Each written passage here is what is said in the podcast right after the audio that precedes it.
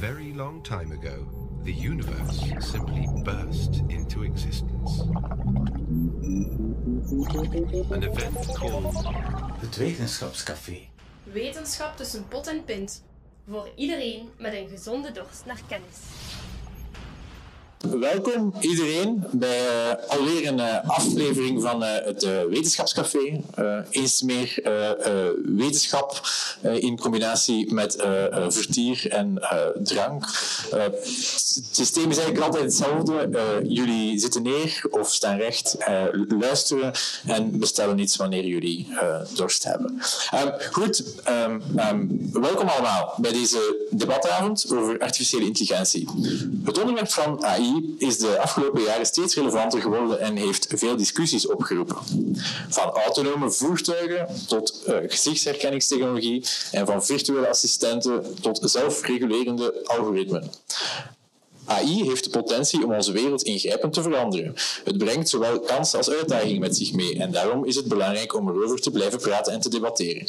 Uh, u hoort misschien, dames en heren, uh, die woorden komen niet van mij. Uh, ik heb de inleiding van dit debat laten schrijven door ChatGPT. Ehm, jullie horen misschien aan het feit dat het iets minder eloquent is en een beetje hoekiger dan de gemiddelde knakjournalist, hoop ik. Um, maar voor de rest is het, het wel tot uh, nadenken, hè, want dit is een relatief samenhangende tekst. Uh, ik vrees ook als het uh, wetenschapscafé hiervan hoort dat over een jaar de moderator misschien vervangen wordt en wegbezuinigd en dat er een hologram in de plaats komt of zo. Um, um, dus dat is, enfin, het is duidelijk dat artificiële intelligentie wel iets is wat ons allemaal bezig hoort. Um, zullen robots ooit uh, slim genoeg zijn om uh, knakjournalisten te, te vervangen? Um, zullen wij ooit uh, gewoon op de achterbank van de auto kunnen gaan zitten, uh, omdat de auto voor ons zal rijden.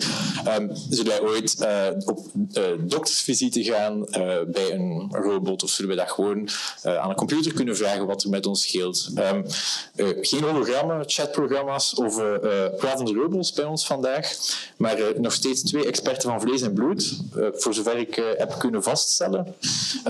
ik ga ze even aan u voorstellen, onze twee experten die alles weten over de wonderwereld van artificiële intelligentie. Uh, we hebben hier uh, Wim van Biezen. Uh, Wim van Biezen is diensthoofd nefrologie aan de UZ Gent. hij is dus een nierspecialist. Um, daarnaast is hij hoogleraar aan de Universiteit Gent en doseert hij Evidence-Based Medicine.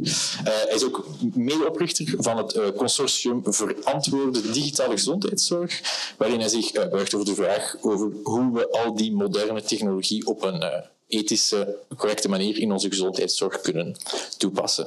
En ook aan mijn rechterhand, maar iets, iets verder aan mijn rechterhand, uh, hebben we Marie de Witte. Uh, zij is van uh, opleiding biomedicus, maar werkt vandaag in de opleiding Multimedia and Creative Technologies aan de HO West. En ze heeft les over data science, programmeren en machine learning. ze houdt zich ook bezig met AI voor, voor healthcare, een opleiding waar geleerd wordt hoe artificiële intelligentie in de gezondheidszorg kan worden ingezet.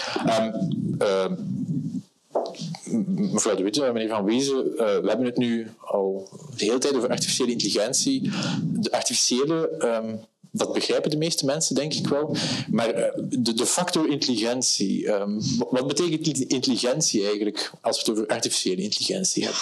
Wel, intelligentie is het probleem, denk ik, binnen de artificiële intelligentie, omdat de meeste vormen van artificiële intelligentie, AI, die nu gebruikt worden, eigenlijk niet echt intelligent zijn. Hè.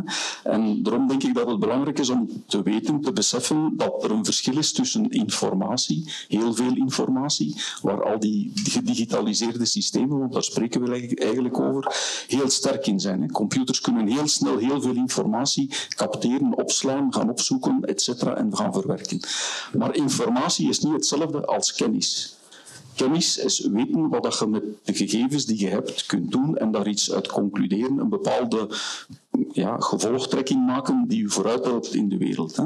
Ehm, je kunt bijvoorbeeld alle datapunten hebben van alle lokalisaties in Gent, alle cafés in Gent uh, op een map hebben, maar dan weten we nog niet wat je in die café kunt gaan doen. Dan moeten weten, en mensen weten dat, robots iets minder, in een café er is meestal drank en je kunt daar dus iets gaan drinken. Hè. Dus je hebt informatie en je hebt kennis. En waar de artificiële intelligentie op dit moment extreem sterk in is, is eigenlijk associaties leggen tussen wat men heeft als informatie en daar een bepaalde conclusie aan trekken. Men noemt dat een associatieve predictie. Dus men gaat proberen van bepaalde patronen te gaan herkennen en daar een bepaalde link aan te maken. Dus men gaat proberen vanuit die informatie een zekere vorm van kennis te gaan gaan.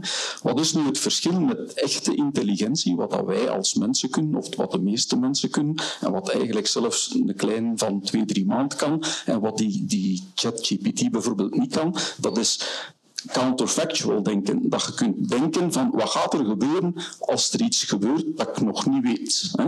Als er um, bijvoorbeeld dat glas met dat water in, ja, ik weet als ik die fles pak en ik giet daar water in, dan blijft dat water in dat glas. En dat is eh, wat je verwacht dat er gaat gebeuren. Hè? En dat is iets dat kunt gaan een systeem leren. Elke keer als je dat erin giet, gaat dat erin blijven. Wat dat, dat systeem niet kan voorspellen, tenzij dat het gebeurd is, wat dat er gebeurt als je dat glas omgooit dan gaat dat allemaal leeglopen. Hè. En dat is wat men noemt counterfactual. Dat is eigenlijk meer dan causaal denken. Dat is niet alleen oorzaak en gevolg. Ik giet dat in dat glas, dat glas valt om en het loopt leeg. Wat zou er gebeuren als er in de plaats van water een vaste stof in die fles zou zitten. Dan gaat dat niet gebeuren. Hè. Dat is de counterfactual thinking. En dat is wat het verschil is tussen menselijke intelligentie, wat dat wij kunnen, en wat dat die robots of de AI eh, kan. En dat is het grote probleem, denk ik. Ik weet niet of dat mijn collega daar gaan mee eens zijn.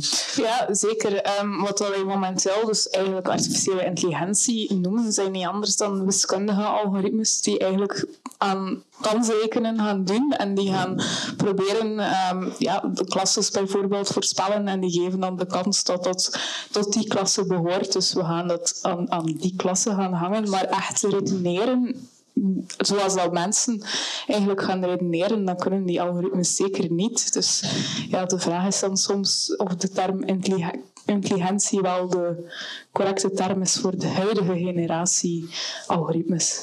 We gaan dat eens een beetje concreter proberen maken. Ik ga een paar uh, toepassingen uh, geven van wat soms wordt af, weggezet als artificiële intelligentie. En jullie moeten mij zeggen of het intelligent genoeg is. Um, uh, Siri, uh, dat is de, de, uw persoonlijke butler. Ehm, als je praat tegen gsm, beschouwen wij Siri als artificiële intelligentie? Ja. Nee.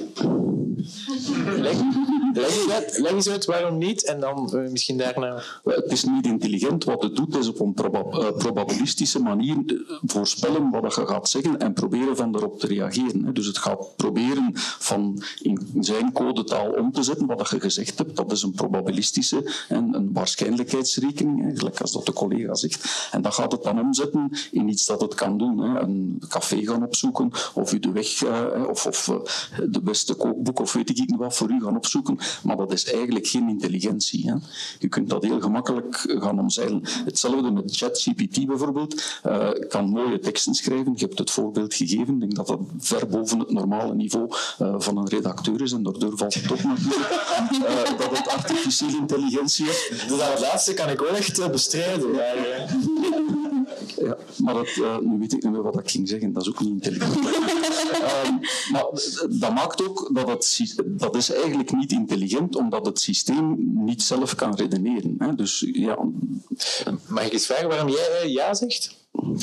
Um, ik ga meer uit vanuit het technisch standpunt. Dus ik, ik ga weg van wat ik zie als, als intelligentie. En ik, ik blijf bij de redenering. Wat, wat hoort momenteel onder de algoritmes die behoren tot de uh, kunstmatige intelligentie. En dan valt Siri en natural language processing zeker onder het veld artificiële intelligentie. Uh, een, een, andere toepassing, uh, GPS. Uh, je, je, had een beetje probleem om hier te geraken met jouw GPS.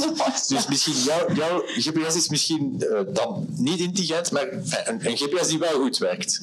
Beschouwen we dat als artificiële intelligentie? Nee. Uiteraard niet. Nee. Leg eens uit waarom niet? Dat, dat bedenkt toch, van, dat, dat bedenkt toch uh, uh, helemaal hoe het, hoe het uh, naar hier moet rijden, ja, als het zou werken. Ja, het is opvallend hoe dat je probeert van dingen te antropomorfiseren, ja. van dat inderdaad uit te drukken alsof dat, dat ding denkt. Dat ding denkt niet. Hè. Het berekent iets voor u. Hè. En daar is het extreem goed in en dat kan het heel snel en veel beter dan dat wij zouden kunnen. Het heeft een veel grotere dataset, het heeft heel veel meer informatiepunten dan dat wij kunnen onthouden. Um, maar het denkt niet. Hè. Het, het berekent gewoon iets. Hè. Um, en ik denk ook, dat is het, ik denk wel, hè, um, dat is ook het punt, denk ik, waar we proberen van die AI, hè, laat het ons nu voorlopig artificiële intelligentie noemen, uh, moeten kunnen inzetten. Hè, van het gebruiken voor wat dat het kan en vermijden dat we het gaan gebruiken of denken dat we het gaan kunnen gebruiken voor dingen die het niet kan en die het waarschijnlijk ook nooit gaat kunnen. Hè. Als je daarover filosofeert, wat het goed kan, is de informatie die het heeft binnen een bepaald deelgebied, heel klein, men noemt dat small AI, gaan toepassen met een heel grote rekenkracht, heel veel snelheid. En dan is het beter dan dat wij, wat dat wij kunnen. Hè. Die GPS gaat u beter ergens naartoe leiden als de straat niet te veel veranderd zijn en als de inrichtingsstraat niet te veel aangepakt zijn. Ja. Uh, een andere toepassing uh, die wij ook vaak uh, gebruiken, het algoritme van bol.com dat mij suggereert welke boeken ik moet kopen. Ik heb bijvoorbeeld tien boeken over dwergcavia's gekocht en dan plotseling suggereert dat boek mij misschien wil je ook een boek over middelgrote cavia's kopen. Ja. Artificiële intelligentie of niet? Vanuit een technisch standpunt gezien wel. Maar u weet van niet. Het is weer hetzelfde. Het probeert eigenlijk te voorspellen wat er gaat gebeuren op basis van wat je voordien gedaan hebt. Hè. Ja. Dus intelligent. En andere gebruikers gedaan hebben. Of andere gebruikers ook gedaan hebben. Dus het is niet intelligent in die zin. Het maakt terug een probabilistische afweging van als je dat en dat en dat hebt en mensen met een vergelijkbaar profiel hebben dat en dat gedaan, dan gaat de meest waarschijnlijke stap dat zijn. Hè. Dus, en dan gaat men inderdaad hetzelfde aanbieden. Maar je kunt dat heel gemakkelijk in de knoop doen slaan. Hè. Het gaat ook nooit iets voorstellen dat je nog niet geprobeerd had. Of dat niet in de lijn ligt van wat je geprobeerd hebt. Hè. Dus het is zeker niet creatief. Hè. Het gaat je gewoon altijd meer van hetzelfde geven. Hè. Mhm. En dat is natuurlijk heel goed uh, voor bol.com, dat is heel goed voor Spotify. Je kunt altijd zelf de muziekje gaan herhalen, maar er komt gewoon niks bij. Hè. Uh, je gaat gewoon naar een gemiddelde en dat is ook het grote gevaar van al die algoritmes, denk ik. Hè. Mhm.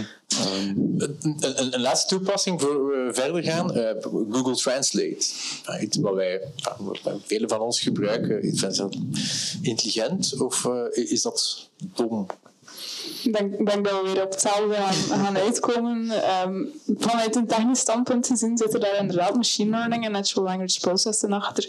Dus vanuit een technisch... Leg eens uit wat machine learning en natural language processing is. Um, machine learning zijn de iets wat oudere technieken, dus de technieken waar we eigenlijk nog niet gebruik gaan maken van neurale netwerken, maar dat zijn dus wiskundige algoritmes die voornamelijk voor 2010 gebruikt werden, uh, die dus eh, probabiliteitsberekening gaan doen en aan de hand daarvan um, mensen of, of, ja, data gaan proberen onder te verdelen in, kla klasses. Natural language processing, dat is eigenlijk ja, het veld binnen de artificiële intelligentie die zich gaat uh, bezighouden met, zoals hey, bijvoorbeeld ChatGPT, het vertalen van alles, alles met textuele data. Dus het vertalen van teksten, het proberen samenvatten van teksten, chatbots, um, Siri die probeert te reageren op wat dat mensen zeggen. Dus dat is een veld binnen de artificiële intelligentie. Ja, uh, machine learning is eerder het type algoritmes die, um, die bestaan. Oké. Ehm, ehm, professor Van Biezen, ehm, eh, naar het schijnt bent u iets ouder eh, eh, dan mevrouw De Witte, durf ik suggereren. Kan u uh, concreet maken, in uw beroep dan concreet, in uh, uw, uw uh, specialisatie, artificiële intelligentie, u hebt dat ongetwijfeld zien opkomen. Kan u ja. uitleggen hoe die evolutie is geweest? Voor, Dat is ook zoiets typisch, denk ik, aan, aan het veld van artificiële intelligentie. Dat gaat met hoogtes en laagtes. Hè. Dus als ik 30 jaar geleden ermee begonnen ben, hadden we een programmaatje gemaakt met cohonenmapping. Dat was toen neural networking. Um, um, om, om, binnen het veld van de nefrologie van de nierziekten uh, ja, een klassificatie te maken tussen verschillende grote groepen van, van nierziekten. Hè. Uh, en het idee was van dat gewoon op basis van enkele parameters uit het labo, van bloedafnames en wat kliniek van die patiënt te gaan zeggen van zal dat type nierfuncties, nierziekte zijn of dat type nierziekte. Ja, iedereen was ermee aan het lachen, want je gaat toch nooit geloven dat die computer dat kan, wat wij 14 jaar voor naar school geweest zijn, hè, dat die computer dat gaat kunnen. Hè. Um, en dat was eigenlijk een heel interessant experiment, want ik denk dat we op dat moment uh, vijf, op basis van 15 gegevens uh, en op basis van een kleine duizend patiënten dat algoritme getraind hebben. Hè.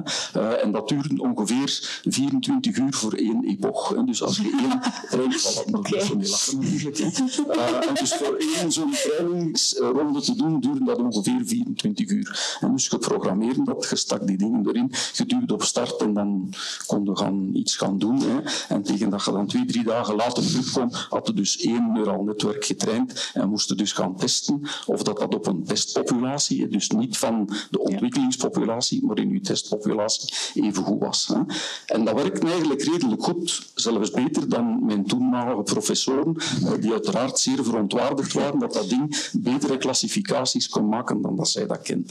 Maar het grote probleem was rekenkracht en data. Hè. Ja. Als je moet 24 uur wachten om één zo'n trainingscyclus te doen, ja, dat is eigenlijk niet doenbaar. En duizend patiënten, dat is ook om mee te lachen eigenlijk in deze tijden. Hè. Dus wat is er veranderd ondertussen? Niet het concept, want we gebruiken nog altijd, we noemen dat neurale netwerken, maar er is niks neuraal aan. Hè. Dat is gewoon een probabilistische techniek eh, om dingen met elkaar te gaan associëren. Hè. Uh, maar we gebruiken veel meer rekenkracht en we hebben gewoon veel meer data. Hè. Ja. Dus onze associatiekracht is veel toegenomen, maar het principe is nog altijd hetzelfde. Als ik het goed werd, heb, uh, werd dat principe zelfs al bedacht in 1946. Ja. Ja. Um, ja. Um, dus, ja.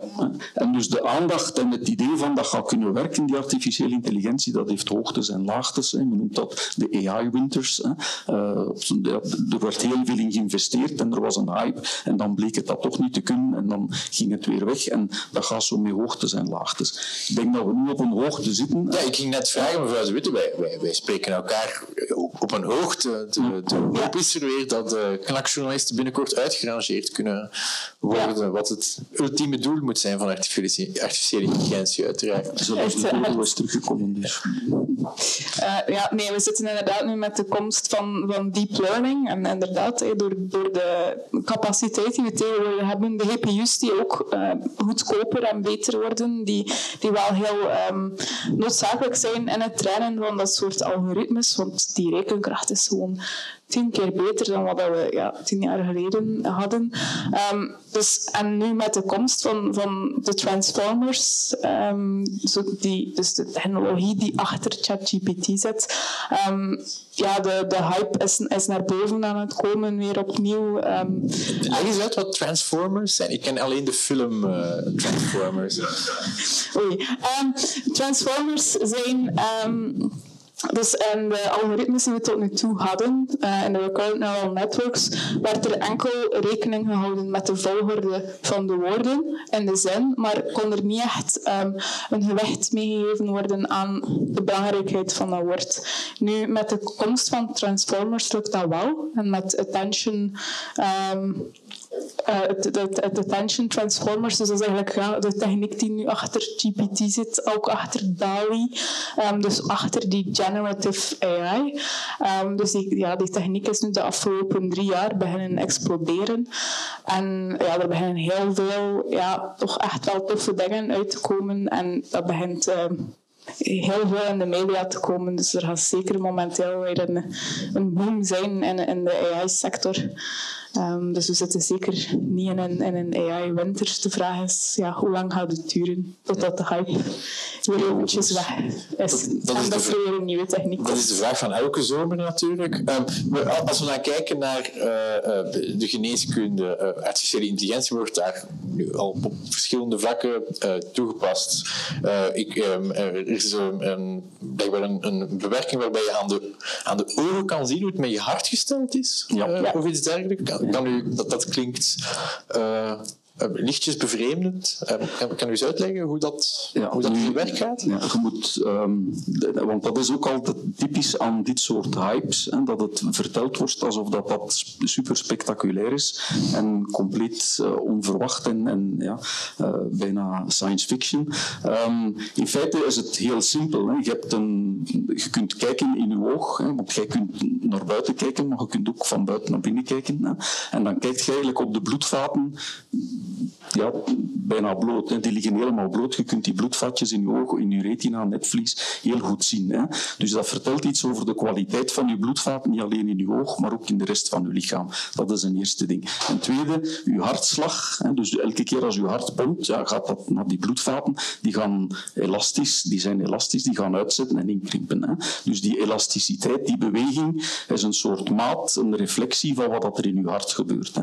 En als je natuurlijk heel veel van die beelden, van die filmpjes, van die bloedvaten ehm, opneemt en die correleert, die associeert met bepaalde ehm, bewegingen van je hart, hè, ventriculaire of, of je hartkamers die samentrekken met een bepaalde kracht, dan kun je daar op een associatieve manier gaan zeggen van oké, als je die beweging ziet, dan komt dat overeen met een goede hartfunctie. Als je dat minder goed ziet, dan gaat je een slechte hartfunctie hebben. Hè. Dus op die manier wordt dat algoritme getraind en dat is een typisch voorbeeld van wat dat artificiële intelligentie zou kunnen. Hè. Ehm, je hebt een heel nauw gebied, je hebt foto's van een oog en je hebt een hart, dat kun je perfect digitaliseren, zowel het beeld van dat oog als hetgeen dat er gebeurt in, qua contractiliteit van, de- eh, samentrekken van je hart. Je kunt dat perfect digitaliseren, je kunt dat perfect aan zo'n computer leren en daar een algoritme gaan van maken, een associatie maken tussen die twee beelden. Hè.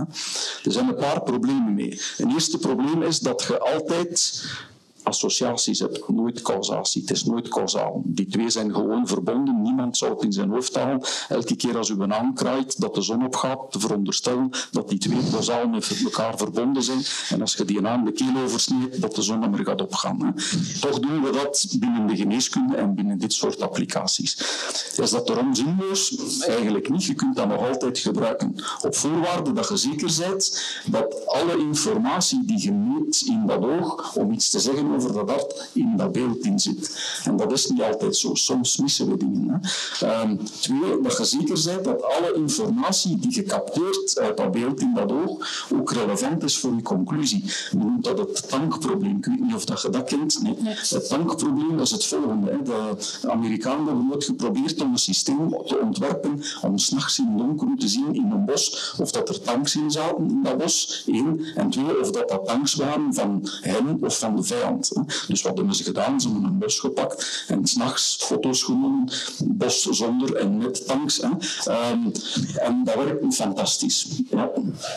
Totdat ze erop uitkwamen dat dat ding eigenlijk niet keek naar tanks, dat keek gewoon, dacht dat de foto's genomen waren met de tank, was het ontregen, en dacht dat het de foto's waren zonder tank, was het niet ontregen. Dus dat systeem herkende perfect of dat regen of niet.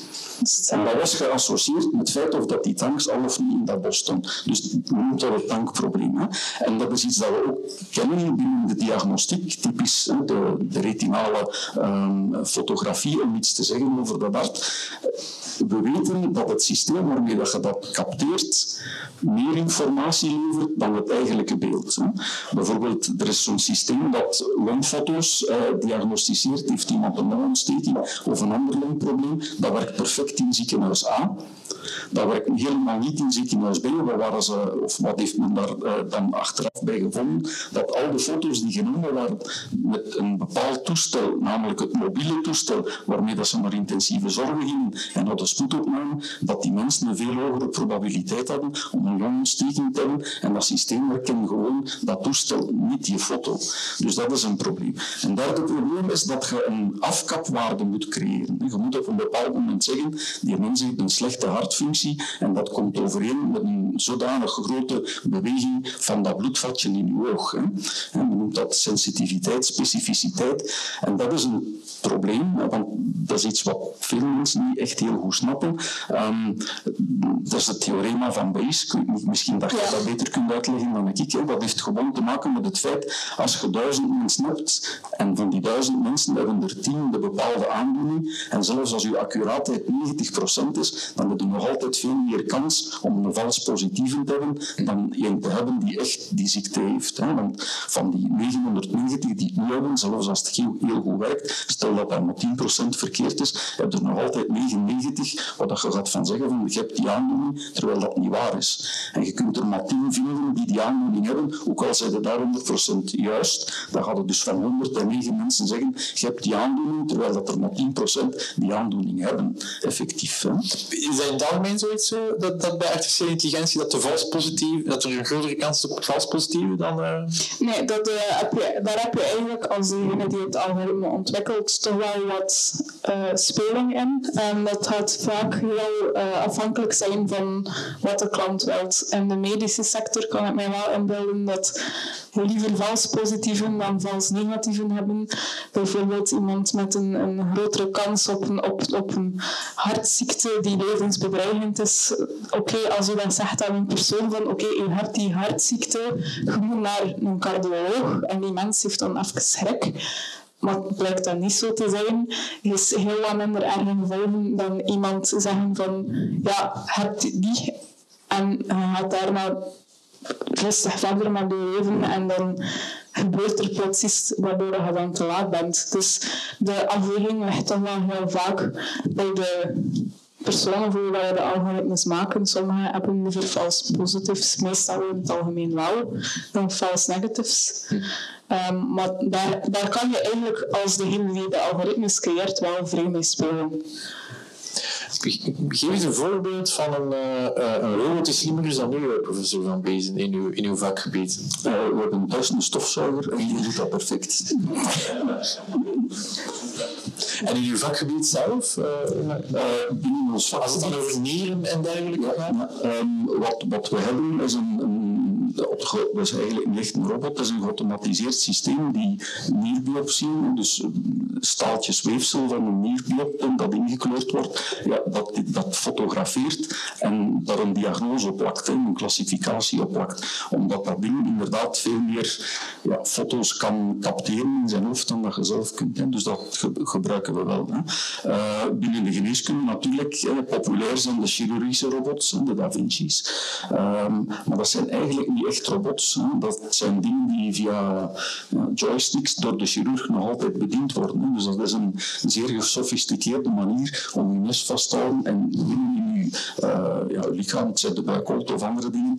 Um, het is een zeer dure boormachine, als het Bijvoorbeeld, ja, ja, Maar het heeft wel zijn voordeel, maar je mocht dat niet intelligent noemen en dat is eigenlijk ook niet echt een robot, gelijk als dat het bedoeld geweest is door Patrick, als hij dat eerst beschreven heeft. Ja, iets dat mobiel is en rondwandelt en uh, actief kan zijn. Hè. Het is iets dat echt aangestuurd wordt door onze chirurgen. Um, dus in die zin is het niet echt intelligent, maar het is wel heel goed. Je kunt het gebruiken en het is een meerwaarde uh, qua, qua gebruiksvriendelijkheid en qua uitkomsten ook vaak. En ik denk dat dat een beetje idee ook is, wat ik het meest nog naar genegen ben, van, het is altijd de AI versus de artsen, van ja, gaat ons dat vervangen? Dat is bij jullie ook zo. Het is niet de arts versus de AI, het is de arts zonder AI versus de arts met de AI. Um, en dat zal de grote challenge zijn, dat zal de uitdaging zijn, van in hoeverre kunnen we die systemen gebruiken voor ons gezondheid vooruit te helpen. Hè. Um, en dat is een hele moeilijke eh, oefening, denk ik. Want hoe, dat het ook draait of keert, je kunt zeggen van, ja, dat ding eerst al een diagnose voorstellen. Dat lijkt verstandig te zijn. Uh, maar een keer dat dat voorstel dan gedaan is, wat gaat je dan doen als arts? Ook al een ander idee, gaat je dan ingaan tegen dat ding? Uh, of gaat je dan dat ding altijd gelijk geven? Ook al denkt je van, dat is niet juist. wie is er verantwoordelijk? Hè? Um, de volgende stap is dan dat die patiënt gewoon zelf uh, naar dokter Google gaat of naar dokter ChatGPT in dit geval. Ja, hoe gaan we dat aanpakken? Dat weten we niet. Hè. Uh, er zijn nu nog geen oplossingen voor, hè. nog juridisch, hè, want dat is ook allemaal juridisch niet geregeld. En ook niet gewoon dat je dat doet in de praktijk, wat de mensen daar gaan van verwachten. Hè. En wat we nu in onze praktijk meer en meer zien, en dat gaat nog verslechteren nu die generative AI's er zijn, ja, is dat mensen afkomen met een uitprint van wat ze op internet gevonden Dat slaat meestal nergens op, maar begint nog te denk ik. Dat ja, ja, ja, begint maar te argumenteren. Hè, want, hè, ze hebben hier een plekskin, dat is een rare ziekte en een zeldzame ziekte, en geen kent dat niet, maar de geiten maar ik om de een of andere reden zijn het ook altijd zeer zeldzame ziektes uh, die mensen op uh, Google vinden. Dat is zo. Uh, snappen wij altijd wat AI doet als ik een, een, een vraag stel aan een nee. artificieel intelligent apparaat? Um, dus dat is ook een van de verhalen dat er momenteel zeer veel onderzoek aan gebeurt, maar eigenlijk is artificiële intelligentie, die huidige wiskundige algoritmes, dat zijn eigenlijk black boxes. Dus er komen daar oplossingen uit. We weten, oké, dat, is, dat ding is in 99% van de gevallen zeer accuraat en ik kan de juiste voorspellingen doen.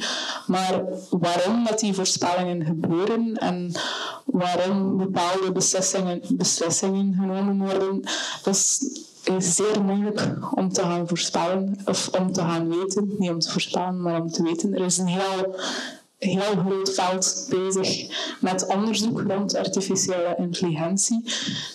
We hadden het daarnet over het tankprobleem. Wij spreken over het wolfprobleem. Um, dus ook een heel aardig verhaal. Foto's van honden en wolven die ze tegen elkaar uh, gaan, gaan uitzetten. En dat model was, was ja, in 100% van de gevallen correct, behalve één husky. Het, het, model moet uh, zeggen welke foto's honden zijn en welke, foto's wolven zijn. Hè? Ja, ja, okay. ja. En uh, dus dat model was daar extreem goed in. Eén probleem, die ene foto van een husky en de sneeuw en wat bleek. Uh, ja, de foto's van de wolven die werden altijd in, in bos en sneeuw genomen. Foto's van de honden waren altijd in een thuisomgeving, in de tuin, in de zetel. En um, daardoor, dat, dat heeft heel wat zware rekenkracht eigenlijk gevraagd om, om dat te gaan, gaan berekenen. Nog meer dan een model zelf trainen eigenlijk. Um, dus de vraag is nu, ja, hoe kunnen we eigenlijk die algoritmes, dat dat, dat, dat geen zwarte doos is, maar er toch voor zorgen dat we weten waar, dat die, waar dat die voorspellingen vandaan komen. En ik kan mij zeker inbeelden als arts dat je dat ook heel graag zou weten, zeker als je niet akkoord bent met wat het algoritme zegt. Um, dus ja, er is daar een heel veel onderzoek momenteel naartoe. En um, ja, het is ook eentje van de, mijn pet peeves. Ik ben daar heel uh, graag mee bezig momenteel um, komt het niet vanuit de algoritmes zelf, maar proberen we met de data te spelen, waardoor we zien van, ah ja, hoe verandert dat, hoe dat, hoe dat het model zegt, maar dat heeft ook geen 100% goed beeld weer van, van wat er nu eigenlijk gebeurt. Dus we zijn ons daar wel zeer bewust van dat, dat, dat die, ja, die uitleg dat, dat er daar een zeer grote nood van is. Maar hoe complexer onze modellen worden, hoe complexer natuurlijk de vraag is. Hoe kunnen we, hoe kunnen we dat nu voor een, voor een arts begrijpelijk maken? Maar het is een, een moeilijk probleem. Het is iets dat mij extreem interesseert. We hebben ook al veel onderzoek rond gedaan rond die uh, blackbox dingen. Um, maar ik wil eerst even ingaan op die vele foto's van die honden en die wolven. Hè. Hoeveel foto's moeten aan een kleine toon van twee jaar van een stoel om te weten wat een stoel is. Of een, Of van een kat, of van een hond, of van een wolf. Als je hem twee keer een stoel toont, dan zegt die klein tegen die een derde stoel, stoel. En ook als die stoel maar drie poten heeft, of zelfs maar twee poten heeft, als je er kunt op zitten, dan gaat hij stoel zeggen. En toch vinden we dat ander doen. Kan je zitten op een stoel met twee poten? Dat, je kunt dat. Oké, sorry. Ja, dat is ander mag je van door een dat. Eh, Sorry. Ehm, ja, maar het, het- probleem is, ja, je moet bij die, die trainingssessies moet je 10.000 honden, wolven leren aan dat systeem, en dan kan het dat eigenlijk ook niet generaliseren. En dat heeft te maken met het verschil tussen informatie, kennis en dan die counterfactual iets van dat redeneren, dat concept leren. En het is dat een beetje wat men probeert te capteren nu binnen die transformers, dat je leert denken in concepten, in ideeën. Hè. Ehm, maar het onderwerp van die blackboxes, dat interesseert ons heel veel op twee gebieden. Eén, we hebben dat nagevraagd bij artsen, van kun je daarmee omgaan? Wat, wat, wat hindert er u? Of wat, wat uh, ambeteert er u? Wat irriteert er u? Als je met zo'n uh, slim toestel werkt, dat u komt vertellen wat je moet doen. Hè. En ja, die blackboxes, dat staat dus helemaal op nummer één. Hè, want dat vinden ze dus irritant, dat er iets uitkomt en dat je niet weet waarom. Hè. En dat is ook het grote verschil. Uh, als je dan vraagt, hè, dat, is, um, dat was het, een beetje het opzet van het onderzoek, dat vinden mensen irritanter. Een machine zegt wat je moet doen, of een collega die zegt wat je moet doen. Hè. Um, ja, ja, we zijn dokters, we zijn allemaal haantjes, dus we willen allemaal onze eigen gedachten doen. Maar het verschil is, met die mens kun je praten, babbelen, discussiëren, je kunt uitleggen, je kunt ruzie maken, dat kan ook, hè. maar je kunt tenminste interageren. Terwijl met zo'n systeem kun je niet interageren. Je kunt wel proberen een beetje de data te veranderen en dan te zien dat de output verandert. Maar dat is allemaal toch wel een beetje second-hand en dat vinden mensen extreem overtuigend. Dus ze betrouwen dat niet om die reden. Ze weten niet wat dat de onderliggende redenering is en dan vertrouwen ze het niet. Um, een tweede probleem, en dat is eigenlijk nog veel fundamenteler, en dat zit vooral, denk ik, het risico uh, bij al die generatieve AI-dingen is, um, als ik zeg van ik kan mijn jas, mijn jas kan in mijn valies, dus ik kan in mijn valies, dan weten we dat er iets gebeurd is, dat klopt. Ja. Maar je krijgt dat niet verkocht aan een artificieel intelligentiesysteem. En het probleem wat erachter zit, is semantische opaciteit. Hè. Dat ding kan niet verstaan dat hetzelfde item verschillende dingen kan betekenen en dat verschillende dingen toch hetzelfde item kunnen zijn. Hè. Daar kan die niet mee overweg. Hè. En dat maakt dat alles wat te maken heeft met die language processing, met het idee van concepten, abstrahering, dat dat eigenlijk niet marcheert en dat gaat nooit niet marcheren, denk ik. Omdat we niet begrijpen waar dat, van komt en waarom dat wij dat wel kunnen, ja, als mensen.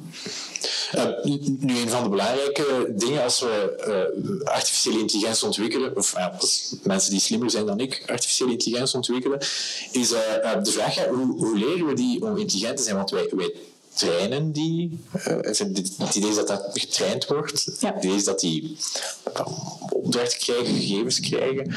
Um, leg eens uit, want die, dat is, data zijn natuurlijk niet. Uh, uh, niet elke vorm van data is daarvoor geschikt, vermoed ik. De vormen van data, er zijn zeer veel vormen waar we momenteel mee aan de slag kunnen. We kunnen om met tekst, we kunnen om met foto's, we kunnen om met video's. Um, er zijn maar zeer weinig vormen van data meer tegenwoordig dat we niet echt een oplossing voor kunnen bedenken. Het gaat er meer om het omzetten van onze data naar nummertjes eigenlijk, naar cijfers die dan interpreteerbaar zijn voor onze modellen. En een foto wordt ook omgezet naar een, ja, een vector die voor dat model dan wel begrijpbaar is. Um, dat trainingsproces, ja, hoe gebeurt dat? Je hebt verschillende manieren van leren. Je hebt reinforcement learning en dan heb je weer de klassieke machine en deep learning. Bij reinforcement learning laten we eigenlijk wat wij een agent noemen. Beeld u uh, Super Mario in, dus dat spelletje. En je laat uh, Mario los in een level. En afhankelijk van wat dat Mario doet in dat level, krijgt Mario punten. Dus als hij gold coins pakt, krijgt Mario Als Mario sterft, dan krijgt hij een straf. En dat is eigenlijk een wiskundige functie dat wij meegeven aan dat algoritme. Dus hij gaat exploratie doen van zijn omgeving en hij gaat dingen uitproberen. En in het begin gaat hij ongelooflijk domme dingen doen. En gaandeweg gaat hij proberen te optimaliseren hoe dat hij zijn reward krijgt. Dus hij gaat proberen aan een zo hoog mogelijke reward te komen. Dus dat is één vorm van leren die momenteel in artificiële intelligentie zit. Een andere vorm is inderdaad uit data dat we dan aan het algoritme tonen, bijvoorbeeld foto's, eh, dat voorbeeld van het verschil tussen katten en honden. Dus hij geeft heel veel van die foto's aan het algoritme. En dan kan er twee dingen gebeuren. Ofwel heb je je data al voordien gelabeld, zoals wij dat noemen. Dus we zeggen aan het algoritme, oké, deze foto dat is een foto van een kat en deze foto dat zijn foto's van honden. Dan aan de hand daarvan gaat dat algoritme proberen zeggen van oké, dit is kat, dit is hond. Als hij verkeerd is, dan krijgt hij daar ook ja, een straf voor. Ja, dus dat is wiskundig. Dat is een losfunctie die zij probeert te minimaliseren. Maar ik denk dat ik iets te technisch ga als ik dat probeer uit te leggen. Maar, um, dus, maar je hebt ook nog de andere optie, dat je dus een groep katten en een groep honden heeft aan je algoritme. Je zegt niet wat het is, maar je zegt enkel aan je algoritme van oké, er zijn hier twee groepen in zoek. En dan gaat dat algoritme op zoek gaan naar de twee groepen. En in het beste geval komen er daar katten en honden uit. In het slechte geval komt daar alles met puntoortjes uit. Zijn een groep en alles met zo'n blonde oortjes naar beneden. Dat is een andere groep. Dus daar is het dan als ja, technicus uw job om ervoor te zorgen dat de twee juiste groepen naar boven komen. Dus dat is eigenlijk hoe dat die algoritmes momenteel leren. Die, bij, de data die aan die algoritmes gegeven worden, daar is een, een soort van heilig principe. Het heet garbage in, garbage out, uh, ja. meen ik mij uh, uh, voor te nemen. Garbage in, garbage out, wat, wat moet ik mij daarbij voorstellen? Wel, als je vertrekt van uw slechte data, dan gaat je artificiële intelligentiemodel daar ook eigenlijk niets mee aan kunnen vangen. Um, als je vertrekt van, van uw data die verkeerd gelabeld is, dan gaat dat algoritme ook constant overal fouten maken als, als er ook de, de, wat wij de features noemen, dus als, als um, de kolommen waar dat je, data uit kan leren, als dat eigenlijk niet zeggend is. Als je bijvoorbeeld van een persoon zijn leeftijd wil voorspellen en die heeft enkel maar het geslacht en de kleur van zijn ogen mee, ja, probeer daar maar eens een leeftijd mee te gaan voorspellen. De algoritme gaat dat ook niet kunnen. Um, dus we moeten ons heel bewust zijn van, van de data die we aangereikt krijgen. Er moet daar heel wat statistische vooranalyse gebeuren voordat we beginnen met het trainen van ons algoritme wat toch soms wel een beetje vergeten wordt. De intelligentie zit bij de mens niet ontworpen, niet in de ja. algoritmes zelf. Dat is een beetje zo natuurlijk. Hè. Eh, en het toont ook aan, alleen, je legt dat heel goed uit, denk ik, dat de meeste dingen die we doen zijn heel beperkt. Het gaat over een heel beperkt aantal parameters die je kunt meten. En dat beperkt, dat kan er duizend zijn, kan er vijfduizend zijn, maar dat blijft altijd gelimiteerd. Dat is nooit gelijk als dat wij mensen iets leren, of gelijk als dat kinderen iets leren, hè, blijft altijd beperkt en tot een bepaald domein ook beperkt. Hè.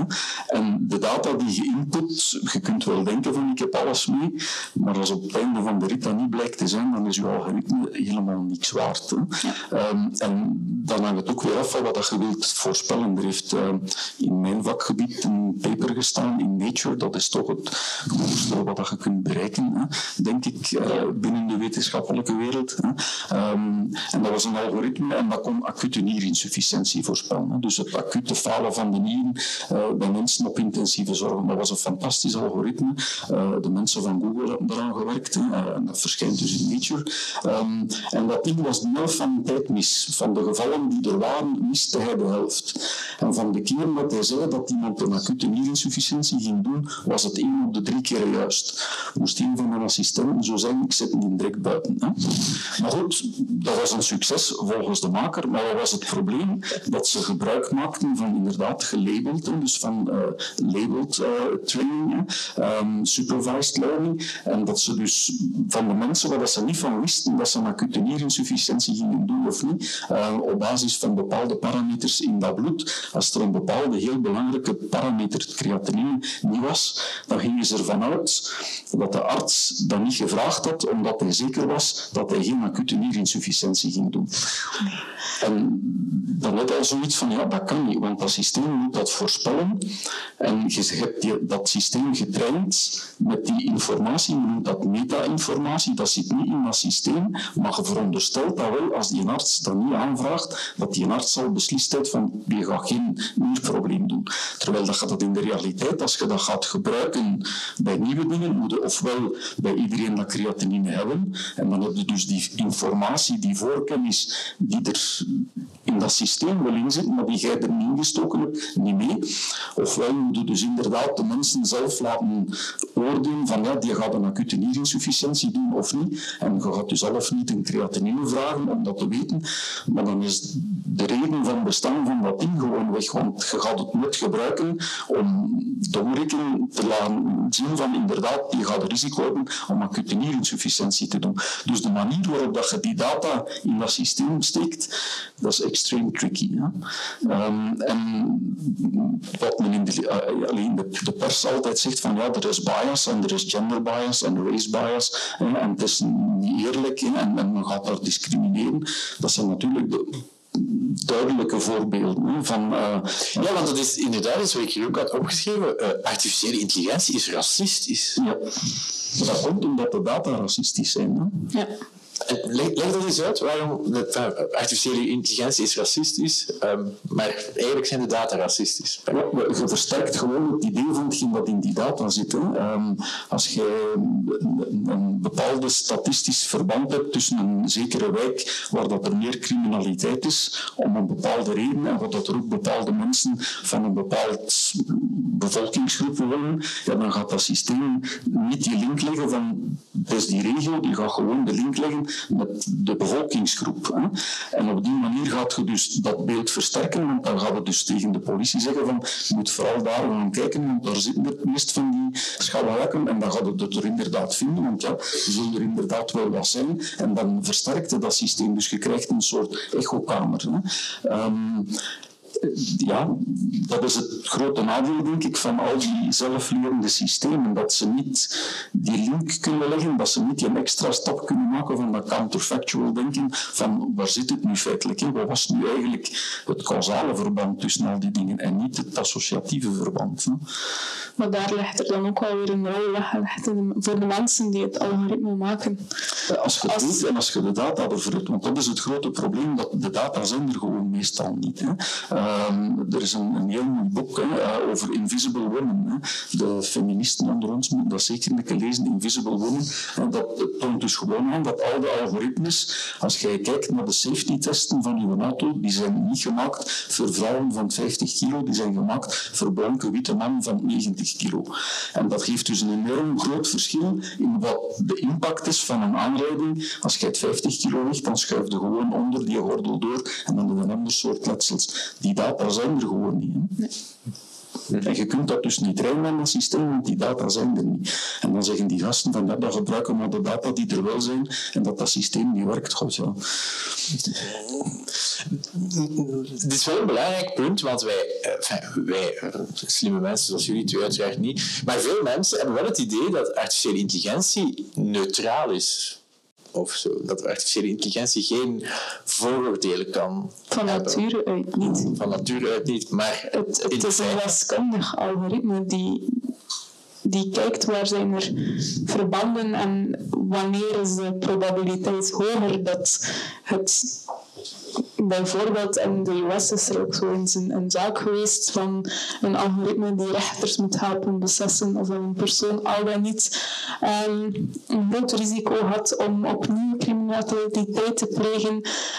Um, of welke strafrecht dat die persoon moest, moest krijgen. En daar komt er ook weer de natuurlijke bias die binnen en onze ja, sociale netwerken zet naar boven. En dat is gewoon het probleem, zoals Len daarnet toen zei. in, in Amerika werd de, de, de zwarte- zwarte, bevolking werd harder gestraft en ja, op een dus- grotere kans tot recidive. Ja, en dan de blanke mensen die kregen bijna altijd een free pass. De zwarte mensen die werden strenger beoordeeld, hadden ook zogezegd een grotere kans op recidivisme. Maar dat was uiteraard ook weer die rechters, die keken ook meer zo naar die mensen. Dus eigenlijk hetgeen dat die artificiële intelligentie doet, is meer een spiegel van, van de onderliggende problemen die momenteel binnen onze maatschappij leven, maar vanuit zichzelf is een Dus het probleem is- algoritme niet Het probleem is racistisch. eigenlijk dat, dus het probleem is niet dat die artificiële intelligentie stiekem op het Vlaams Blok wil stemmen, maar dat die eh, eh, data gebruikt van rechters die vooroordelen hebben Ja. over zwarte of mensen van kleur. Ja, Ik wil er toch nog een keer op wijzen dat, dat we weer aan het antropomorfiseren zijn en dat we doen alsof dat, dat ding, dat kan, dat kan gewoon niet racistisch zijn, want dat denkt ook gewoon niet. Dat berekent gewoon niet. dat gaat, dat gaat meer gewicht meegeven. hè, Wat ik Dat is een berekening. Hè? Ja, Dat is dus dat gaat meer gewicht meegeven dan aan het ras, waardoor dat, dat veel zwaarder meeweegt en het berekenen van die score van die recidivisme. Dus ja, wij noemen dat inderdaad soms wel denken, want we zijn inderdaad artificiële intelligentie aan het vermenselijken, maar het is gewoon, het gewicht zal veel zwaarder doorwegen, want na een tijdje zal dat algoritme een bepaald patroon zien, zien naar boven komen en hij gaat zien van oké, als ik hier meer gewicht aan meegeef, dan zijn mijn probabiliteiten veel beter. Ehm, sorry, zegt u maar. Dat is ook zoiets hè, van eh, de probabiliteiten zijn dan beter. En hoe groot moet die probabiliteit dan zijn voordat je kunt concluderen dat iets is of iets niets is, dat je iets gaat doen of niet gaat doen. Hè. Men heeft altijd de indruk van dat we artificiële intelligentie gebruiken, dan zijn alle problemen opgelost. Dan beginnen de problemen pas. Want er komen een heel deel ethische vragen van wat wil je doen, hoe kun je dat doen, eh, hoe ver gaat het gaan, waar gaat de grenzen leggen. Als je simpele voorbeeld, de zelfrijdende auto, ja, men denkt dat dat alles gaat oplossen, maar daar is niks op, want de enige auto die veilig is, gaat een auto zijn die stilstaat. Er zijn Ik, niks eh, eh, om, om hierop in te pikken, ik had eh, een, eh, paar dilemma's eh, eh, voor jullie. En, de eerste, ehm, stapt u in een zelfrijdende auto eh, van Dijk die eh, u zo dadelijk opwacht om u naar het eh, UZ te brengen? Ik ga je vertellen, de auto waar ik mee rijd is 54 jaar oud. Is een Citroën DS. Er zit niks van elektronica in. Dat start en rijdt alle dagen. Ehm, het probleem met de zelfrijdende auto is dat je verplicht bent om daar een algoritme in te steken om iets te doen op het moment dat het verkeerd loopt. En dan kun je kiezen of gaat dat algoritme de mensen die in die auto zitten beschermen. Dat is niet leuk voor de voetgangers. Hè. Ehm, zeker niet als het dan geprogrammeerd is om eh, de voetganger met een zwarte jas uh, omver te rijden. Dan gaan al de voetgangers met de zwarte jassen omvergejaagd worden. Ofwel gaat een auto hebben die zegt van ik ben nobel. Ik ga de inzittenden opofferen ten nadele of ten voordele sorry, uh, van de andere weggebruikers. Ik zou de garagist nog willen zien die dat aan een straatsteen kwijtgeraakt. Dus dat is een onoplosbaar dilemma. Um, en de onderliggende reden er gebeuren natuurlijk accidenten, ongelukken met menselijke chauffeurs. Ja, zou dat in theorie, dat kan het nu zeker nog niet, hè, maar dat zou dat in theorie, als we de rekenkracht en de snelheid, et cetera, et cetera, om dat te doen, beter kunnen dan de menselijke chauffeur, omdat het niet vermoeid wordt en inderdaad niet afgeleid wordt door allerlei andere dingen. Maar dat basisprobleem van wie gaat er opofferen als het misgaat, dat gaat er wel oplossen voordat het zich voordoet. En dat is het verschil met als jij een accident hebt, dan doe je een reflex, je doet iets. Je hebt daar niet op voorhand over nagedacht van als ik ooit in de situatie kom dat ik moet kiezen, rijd zelf tegen die boom of rijd die fietser omver en mijn eigen, je denkt daar niet over na. En zelfs als je er op voorhand over nadenkt, op het moment dat je het moet doen, is dat toch een reflex. Bij die AI, die zelfrijdende auto's, gaat het dat er wel in programmeren. Hè. En het is niet voor één auto, het is voor iedereen. Hè. U, u gaat er niet instappen, heb ik ga er niet instappen. Ga jij erin stappen? Maar als het hem zich baseert op mijn GPS om hier te geraken, dan zou ik van niet geraakt zijn. Ehm, maar ehm, het is te zien waar. Op een autostrade sneller dan in een stadscentrum. Dus op de autostrade dus wel. Op een autostrade zou wel anders zitten. Met die lane assist en kan hem volgen. Ehm, natuurlijk zit je dan inderdaad met het gevaar. eh, ik weet niet. eh, mensen wie dat ik meegereden die zullen dat weten. Ik val nogal snel in slaap als ik niet moet zelf rijden. En dan zou je gevaar dat ik zo aan 140 per uur als slapend passeer aan de mensen. En dan, ja, dat is natuurlijk ook weer risico's met zich meebrengend. eh dat we liever ook niet willen. Dus ja, ik dat dat persoonlijker is, maar er zijn nog heel wat problemen met die zelfrijdende auto's die niet zo eenvoudig op te lossen zijn. Je hebt dit ethisch probleem, je hebt ook het probleem van adversarial attacks, wat. Je hebt, eh, er zijn bepaalde ehm, filters die boven verkeersborden kunnen geplakt worden. En voor mensen valt dat niet op. Dus dat ziet eruit als een gewoon verkeersbord. Maar dat zorgt dat er een paar pixels in dat verkeersbord anders zijn, waardoor dat, dat AI-algoritme dat verkeerd gaat interpreteren. En dan zal dat verkeersbord niet meer zien. Stel je voor, mensen willen niet gezien worden en er wordt zo'n trui gemaakt met zo'n patroon, waardoor dat voetgangers en fietsers ook niet meer door de algoritme gezien worden. En dan zijn we vertrokken hè, het probleem. Dan, ten eerste heb je sowieso al dat ethisch probleem. Ten tweede worden ze ook niet meer gezien door de algoritme en rijdt in een auto gewoon door. Ehm, plus een AI-algoritme dat getraind is om op een autostrade te rijden, laat dat eens los dan in de pakweg Indische straten. Ik weet niet wat de mensen daar al gereden hebben, maar ik zou daar niet zo happig op zijn. Dat laat de richting daar eerder indicatief is en Ja. gevolgd wordt bedoeld. ja, inderdaad, laat daar een keer een zelfrijdende auto in nog.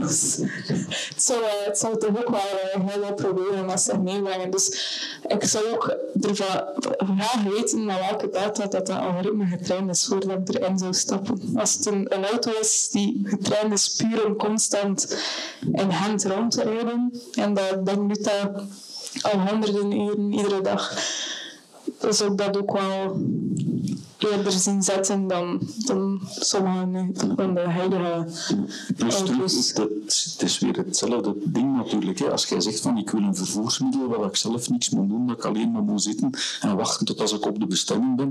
We hebben dat, hè. We hebben de trein, we hebben de tram, we hebben de bussen. Ja, De trein komt natuurlijk niet altijd aan waar... eh, dan moet die zelfrijdende auto's ook niet altijd. Hè. Als je de GPS van volgt.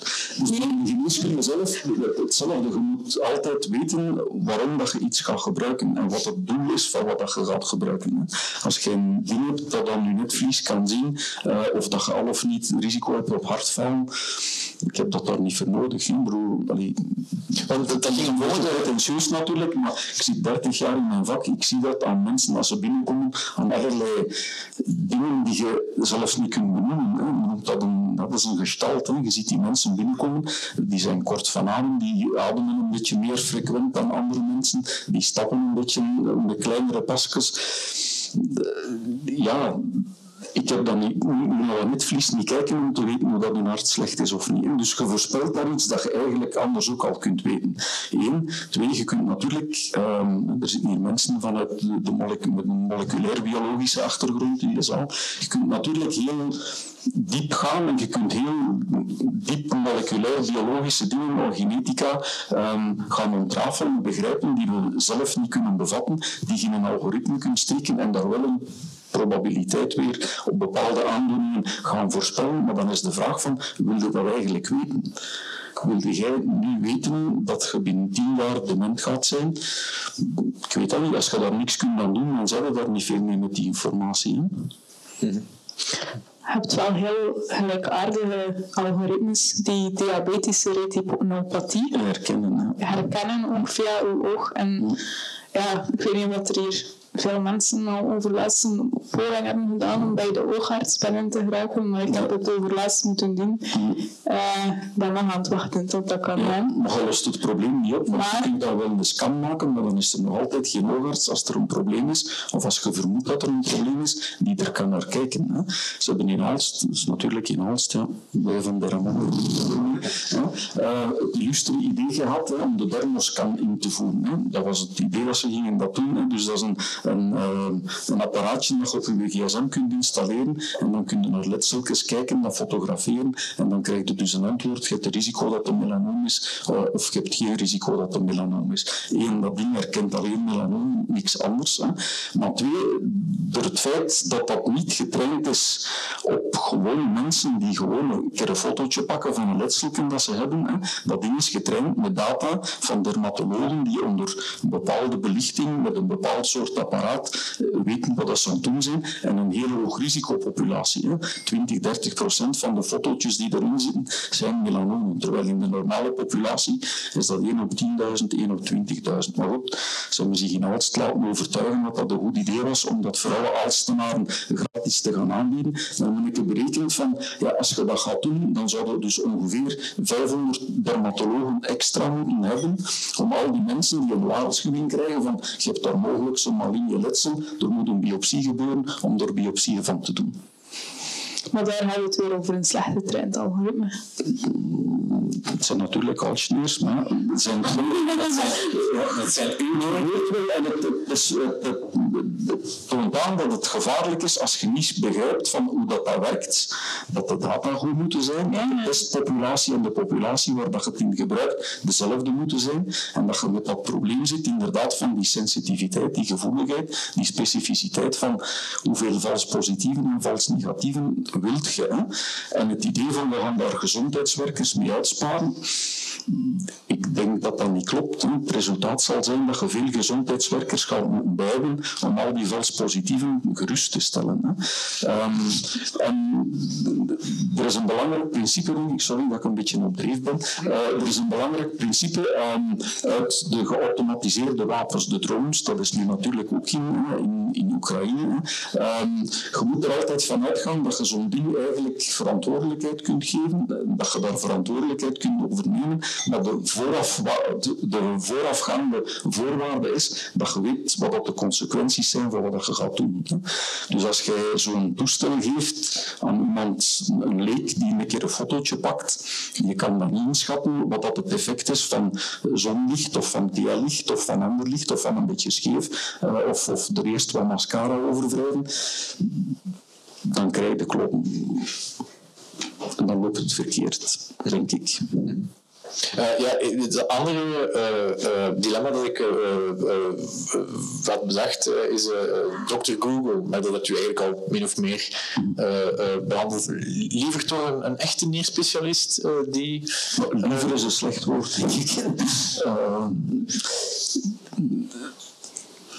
Eh, het probleem is hetzelfde een beetje, denk ik. Het is zodanig uh, specifiek wat je allemaal vindt. Uh, je wilt toch wel een beetje uitleg over wat je aan doen bent. We hebben er ook onderzoek over gedaan bij artsen.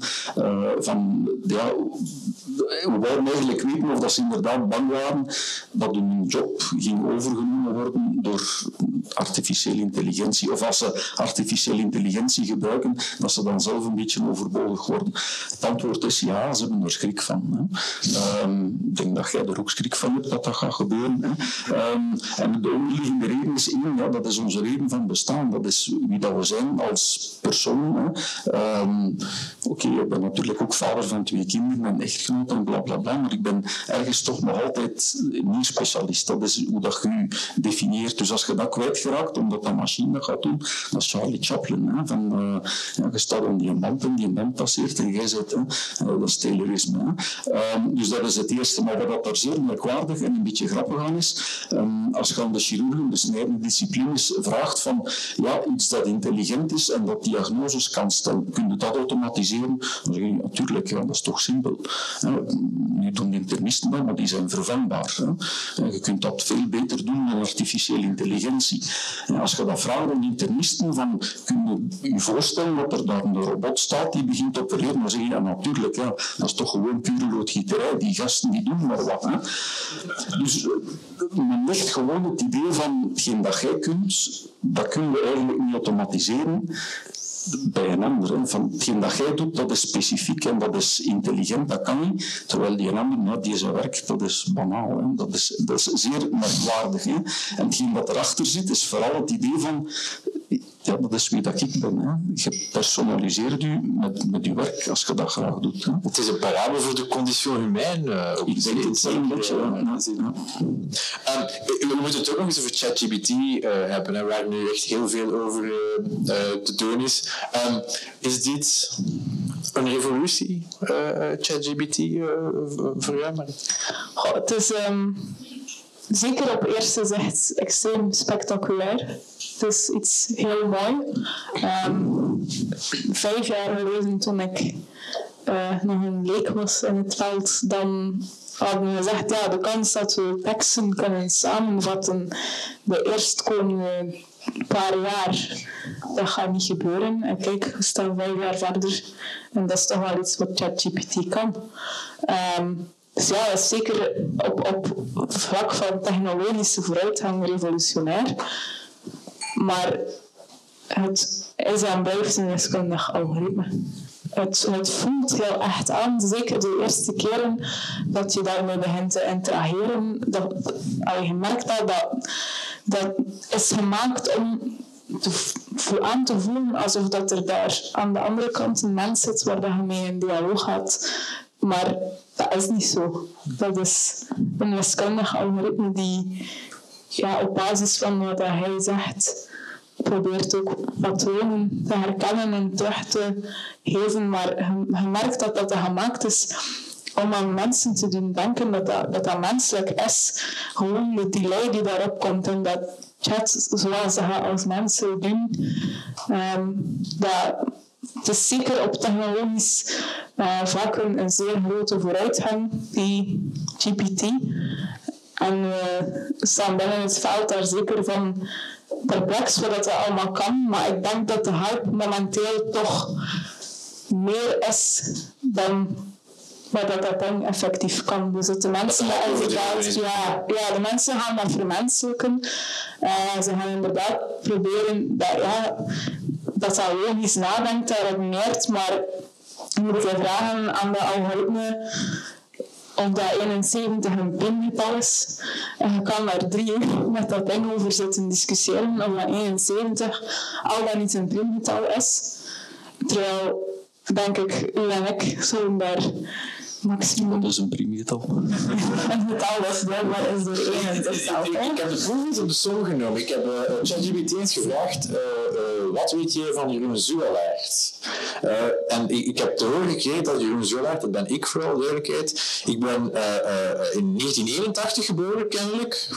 Mijn paspoort staat 1986, maar goed. Ik heb geschiedenis gestudeerd. Ik heb helemaal geen geschiedenis gestudeerd. Ik werk al sinds 2004. Ik was 17 in 2004. Eh, ik heb voor de Morgen gewerkt. Ik heb voor Morgenmagazine gewerkt. Ik heb voor The Guardian gewerkt. Ik heb president Barack Obama geïnterviewd. Uh, en ik heb een, een, boek geschreven, De Helden van de Tour, over de geschiedenis van de Ronde van Frankrijk. Terwijl ik stellig onder de indruk was van het feit dat ik nog nooit een boek heb geschreven in mijn leven. Het enige voordeel dat, is dat hij denkt dat ik in Kortrijk ben geboren en niet in Dendermonde. Uh, het is weer een antropomorfisme dat ik uh, toepas. Maar waarom liegt ChatGPT tegen mij over mijzelf dan nog? Eerst liegt ChatGPT niet. Hè, en al die generatieve AI's liegen niet in de zin um, om te liegen, een filosofische term. Eigenlijk is dat een filosofische term. Liegen moet de intentie hebben om de mens niets wijs te maken. Ja. Aangezien dat het een ding is, kan die geen intenties hebben en kan hij dus ook niet liegen. Hè. Uh, wat dat hij doet is confabuleren, hè, omdat het systeem gemaakt is om het meest waarschijnlijke antwoord te vinden. De meest waarschijnlijke volgende woord is het eigenlijk, zelfs niet het antwoord. Er is altijd een meest waarschijnlijke volgende woord. Dus hij gaat gewoon altijd iets maken. Hè. En of dat, dat dan juist is of niet, dat kan hem, ik ga dan ook weer antropomorfiseren, dat kan hem eigenlijk niet schelen. En dat is het grote probleem, want uiteindelijk zijn er daar niks mee. Je krijgt een antwoord, maar je weet niet of dat juist is of niet. Dus eigenlijk heb je geen antwoord gekregen. Hè. Dus puur filosofisch zitten daar in een vicieuze cirkel. Je krijgt iets, maar je weet niet dat het waar is of niet. Dus eigenlijk zijn er niks mee. Ik ga dat wel onthouden uh, voor de volgende keer dat ik ruzie heb met mijn vriendin. Ik heb niet gelogen, ik heb geconfabuleerd. Ja, ja. Maar het hangt ervan af of je die intentie hebt om te liegen of niet. Weet je waar, waar is ons ChatGPT zijn informatie vandaan haalt? Want ja, de, de, de, enfin, dan, het is niet helemaal gegokt, hè, want bepaalde dingen... Ik heb nu alleen de, de dingen gezegd die niet maar hij weet bijvoorbeeld wat ik voor knak heb geschreven, of dat ik over de vluchtelingencrisis, over politiek al heb geschreven. Dus het, het is niet dat hij louter liegt. Gokt hij dan correct uh, wat die dingen zijn? Weet hij dan bepaalde dingen wel? Waar, haalt hij, die, uh, waar haalt hij de, de, de, ideeën dan vandaan? Weten we dat? Um, nou, om exact te zeggen waar hij die ideeën vandaan haalt, is zeer moeilijk. Maar wat dat ChatGPT in essentie doet, is um, hij maakt word embeddings, noemen wij dat. En je kan dat een beetje voorstellen als een, een 2D um, ja, kaart. En um, woorden die zeer veel met elkaar geassocieerd worden, die gaan heel dicht bij elkaar staan. Bijvoorbeeld fietser en helm en fiets gaan zeer dicht bij elkaar staan. En dan bijvoorbeeld hier zal uh, krokodil en alligator staan. En dan een beetje meer hier olifant. Dus dat, wordt getraind door zeer veel teksten te tonen aan dat algoritme. Al die teksten zijn afkomstig van het internet. Um, en dat traint en dat maakt in een word embeddings. En wie weet is er al ergens een hierin die met Boacabona geassocieerd is. En hij gaat aan de hand daarvan dus proberen voorspellen van oké, welk woord heeft er nu de grootste kans om eigenlijk het volgende woord te zijn, zoals de professor al gezegd heeft. En dan gaat dat algoritme eigenlijk, ja, uh, hokken is niet het juiste woord, want, want hokken is weer iets dat mensen doen en niet dat algoritme. Hij gaat gewoon het woord uitspuwen met de grootste probabiliteit dat het is.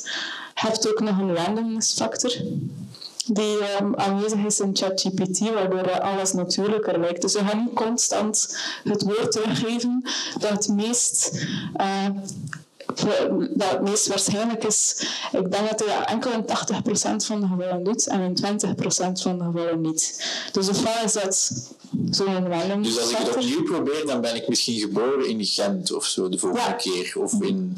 Ja, inderdaad. Dat is, dat is de sterkte aan, aan ChatGPT. De sterkte waarom het menselijk lijkt. Het zal niet constant hetzelfde antwoord gaan genereren door die randomness factor die aanwezig zit binnen in dat algoritme. Um, als je ook de dislike-button hebt aangeklikt, dat weet ik niet. Um, dus je hebt in ChatGPT, als je daarmee chatten, je krijgt een volledig verkeerd antwoord. Dan kan je een dislike-button um, gaan aanklikken. En dan gaat dat algoritme ook via reinforcement learning leren van oké, dat is een verkeerd antwoord dat ik hier gegeven heb. En dan soms kan je ook de vraag krijgen van ja, vertel ons waarom, wat, kan onze uw ervaring beter maken. En de hand van de, die feedback leert dat dan ook constant bij. Dus misschien als je zegt van ik ben daar geboren in dat jaar, dan zal dat algoritme dat in de toekomst misschien beter doen. Ook daar denk ik dat het belangrijk is dat men begrijpt hoe dat, dat ding en dat je dan van daaruit ook kunt concluderen waar dat je het best kunt inzetten. Als je in een heel beperkt veld zit van iets dat relatief goed digitaliseerbaar is als informatie en dat ook relatief digitaal is in waar dat je het kunt van verwachten, mechanica, elektronica, etc., etc., biologie, hè, veel biologische processen. En waar men dat kan voor inzetten is bijvoorbeeld netwerking van cytokine-netwerken, dus zodat eiwitten met elkaar reageren. Dat werkt perfect, omdat dat ding veel beter kan gaan zoeken van wat er allemaal al bestaat, wat er allemaal over geschreven is. En ja, dat werkt altijd hetzelfde, dat gaat altijd hetzelfde zijn. Van het moment dat je gaat naar iets dat ook een heel klein beetje subjectief kan zijn of zou kunnen zijn, geneeskunde, filosofie, literatuur, eh, dan ontspoort dat quasi direct, omdat dat heel veel andere dingen dan gaat vinden die hij niet aan elkaar kan linken. Hè. Dus als je dat gebruikt voor nieuwe eiwitmoleculen, te ontwikkelen of te gaan kijken van wat kan dat mogelijk doen, gebaseerd op bepaalde eigenschappen van die eiwitten, ja, dan kan hij heel snel gaan kijken van wat is er allemaal van vergelijkbare eiwitten, wat zijn daar de effecten van, en waarschijnlijk gaan die dat ook wel hebben. Je kunt beter dat doen. Hè. Dat is een beetje de manier waarop de COVID-vaccins uh, zo heel snel ontwikkeld geweest geworden zijn. Dat werkt perfect. Hè. Maar als je dat gaat gebruiken om een auto te laten rijden, als het mistig is, op een weg die hij niet kent, dat gaat niet goed komen. Denk ik. Eigenlijk, de mensen hebben gewoon een verkeerde indruk van wat ChatGPT is en waarvoor het gebruikt kan worden. Eigenlijk, om grofweg te zeggen, is ChatGPT een fancy Google, waar je enkel de eerste pagina zoekresultaten terugkrijgt. Dus basically wat ChatGPT is. Ik gebruik dat zeker ook um, om mijn lessen voor te bereiden. Dat is leuk. Uh, dat kan mij helpen mijn lessen samenvatten. Maar ik ga daar nooit gebruik van maken in een onderwerp dat ik zelf geen kennis heb en zelf niet kritisch over kan nadenken. Want soms komt ChatGPT dan inderdaad met dingen af dat dacht van oké, okay, dat heb ik nog nergens tegengekomen. En dan ga je dat gaan beginnen googlen en dan zie je van oké, soms kan er daar wel iets leuk uitkomen en zelf nog niet dat tegengekomen. Maar ik denk dat het grootste gevaar in ChatGPT is dat mensen niet nadenken bij het gebruik van en alles voor waar aannemen wat dat er uit dat ding komt. Bijvoorbeeld een van mijn studenten had zijn examen gemaakt puur met ChatGPT. De student was niet geslaagd. Dus die student nam alles wat uit dat algoritme kwam voor waarheden. Die dacht daar niet kritisch over na. En dat is denk ik het grotere gevaar aan de huidige algoritmes. Dat mensen niet meer nadenken omdat het daaruit komt. En dat die gewoon gaan overnemen wat dat de algoritme denkt. En is dat ergens een beetje het fundamentele probleem? Onderschatten wij menselijk vernuft? In zekere zin? Denken wij te snel dat een machine het sowieso beter kan dan een mens? Ik denk dat dat een deel van het probleem is. Dat we denken omdat het artificiële intelligentie bevat, um, dat we daar mythische eigenschappen aan toedichten die het vaak niet heeft en dat we veel zelf kunnen, ook al lijkt het banaal, hè, maar gewoon dat doen de eerste robot die dat kan, moet nog gemaakt worden. Hè. En misschien gaat hij dat wel kunnen, dat hij dat kan doen, maar dan ook nog zo doen, of dat, dat, lukt dan niet. Of iets vastpakken, dat is extreem moeilijk hè, uh, om dat te gaan doen, net omdat het heel veel factoren en heel veel uh, uh, robot dynamics, zo van die hondjes en Boston Dynamics. Boston Dynamics.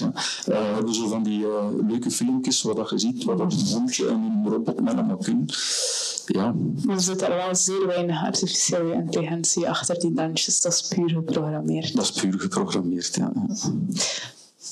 Dus het komt er altijd een beetje op hetzelfde neer. Zolang dat je een goed afgebakend gebied hebt, wat dat je weet wat je aan het doen bent, kun je iets automatiseren. En het dan, omdat het geautomatiseerd is en omdat er veel rekenkracht achter zit, sneller doen. En op die manier maakt de winst. En als je kijkt bijvoorbeeld bij ons op intensieve zorgen, hebben we een systeem voor de infectiebestrijding. Dat ding zoekt alle informatie van de patiënt die beschikbaar is op in verband met infecties. Presenteert dat op een mooie manier. En met de druk op de knop zie je van die mens heeft die en die en die infectie al gehad. Antibiotica dat en dat en dat gekregen. Kiemen waren daar en daar aan gevoelig. En doet dan een suggestie van Misschien moet je dat een keer proberen. Dat is overzichtelijk. Als je dat zelf moet doen als arts, zijn een halve dag kwijt met dat overal te gaan opzoeken. En je krijgt dat direct gepresenteerd. Dat is behulpzaam, dat is helpvol, noemt dat dan.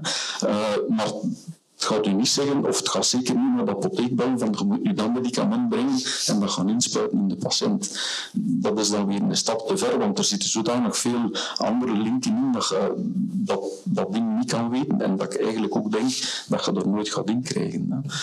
Um, ik moet jullie nog de, de clickbait-vraag stellen. Gaan robots de wereld overnemen? Ik heb een, ik heb een interview met jou gevonden, uh, uh, Marie, waarin jij zei: voorlopig nog niet. Dat, was niet heel, dat is niet helemaal wat wij willen horen, denk ik. Maar fijn, zeg eens, gaan robots de wereld overnemen? Maar momenteel is de kans groter dat ik de wereld ga proberen over te nemen dan de huidige generatie AI-algoritmes. Dus op dit vlak, op dit moment ben ik daar zeker niet wakker van, maar er is inderdaad wel het, idee, het, idealistische geval van general AI, die wel, kijk, kan doen en kan bij je thuis binnenkomen, een potje koffie zetten, de was voor kan doen. Die kan wel die werkziet overneemt, kan logisch redeneren. Um, dat zou het al slimmer zijn dan de meeste mannen eigenlijk. Ik ga er niet over uitspreken, want ik heb heel veel mannelijke collega's en een man zit hier. Uh, een zekere vorm van intelligentie. Hè? um, dus dat heet wat wij noemen de point of singularity, waar de artificiële intelligentie slimmer, slimmer zal zijn dan de mens, verschillende taken zal kunnen uitvoeren en, en, en de mens toch qua intelligentie zal, zal voorbij streven. Dat in de, in de vakterm general AI. En, en het moment dat de artificiële intelligentie de mens gaat evenaren, noemen we de point of singularity. Maar um, wanneer we daar gaan zijn, ik denk dat de kans klein is dat wij dat nog gaan Nee, Maike. Het probleem is niet het, de, de, technologie. Het probleem is de mensen die die technologie gebruiken en de manier waarop dat je de technologie gaat gebruiken. Hè. Atoomenergie is min of meer nuttig. Je kunt erover discussiëren of dat je al of niet kernenergie moet gebruiken. Het probleem is de atoombom. Je kunt dat ook gebruiken om iemand... Uh, een mes is vrij handig als je een boterham moet smeren, maar je kunt er ook iemand mee doodsteken. Hè. Dus het is niet de technologie op zich die het gevaar is. Het is wat we er gaan mee doen.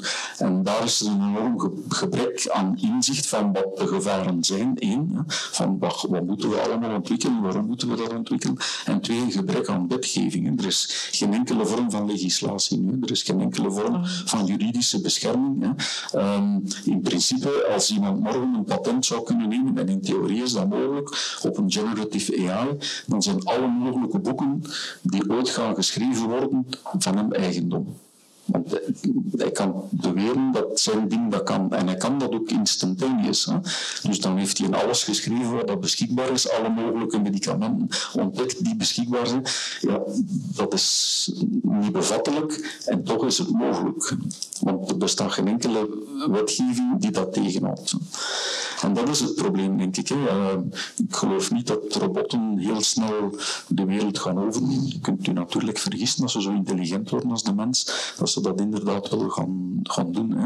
Um, er bestaat een heel boek van uh, Ewan McEwen uh, over uh, Machines Like Me. En dus waar dat hij beschrijft dat er een, firma de ideale robot gemaakt heeft. Je kunt niet verschil maken met een gewone mens, maar het is dus wel een robot, artificiële intelligentie. het is een heel mooi verhaal. Um, en ongeveer een derde van het boek wordt duidelijk dat nul van die machine zelfmoord pleegt. Hè, omdat ze dus niet om kunnen met het onethische gedrag van mensen. En dat ze dus door het feit dat ze intelligent zijn en alles weten en met iedereen in verbinding staan, ja, zoiets zelf van waarom doen de mensen dat niet? Hè? En dat zijn onze bazen. En dus eh, dat ze liever hun eigen uitschakelen uh, dan, dan verder te leven. Hè? Um, en een, tweede probleem dat je bij die, dat ding tegenkomt, is dat dat natuurlijk zodanig super perfect is, dat je er als mens ook niet tegenop kunt. Hè? Dus dat je daar dan op vastloopt. Hè? Dus dat denk ik wel, als het heel goed wordt en ook menselijke kantjes begint te krijgen, dan is natuurlijk de discussie wat zijn de menselijke kantjes en in hoeverre zijn wij mensen intelligent en ethisch, etc. Um, Maar er komen heel wat ethische vragen op ons af, waar we het antwoord niet op weten. Hè. En het probleem is dat de technologie er al is en dat wij nog zitten te wachten om te bedenken van wat we er gaan mee doen.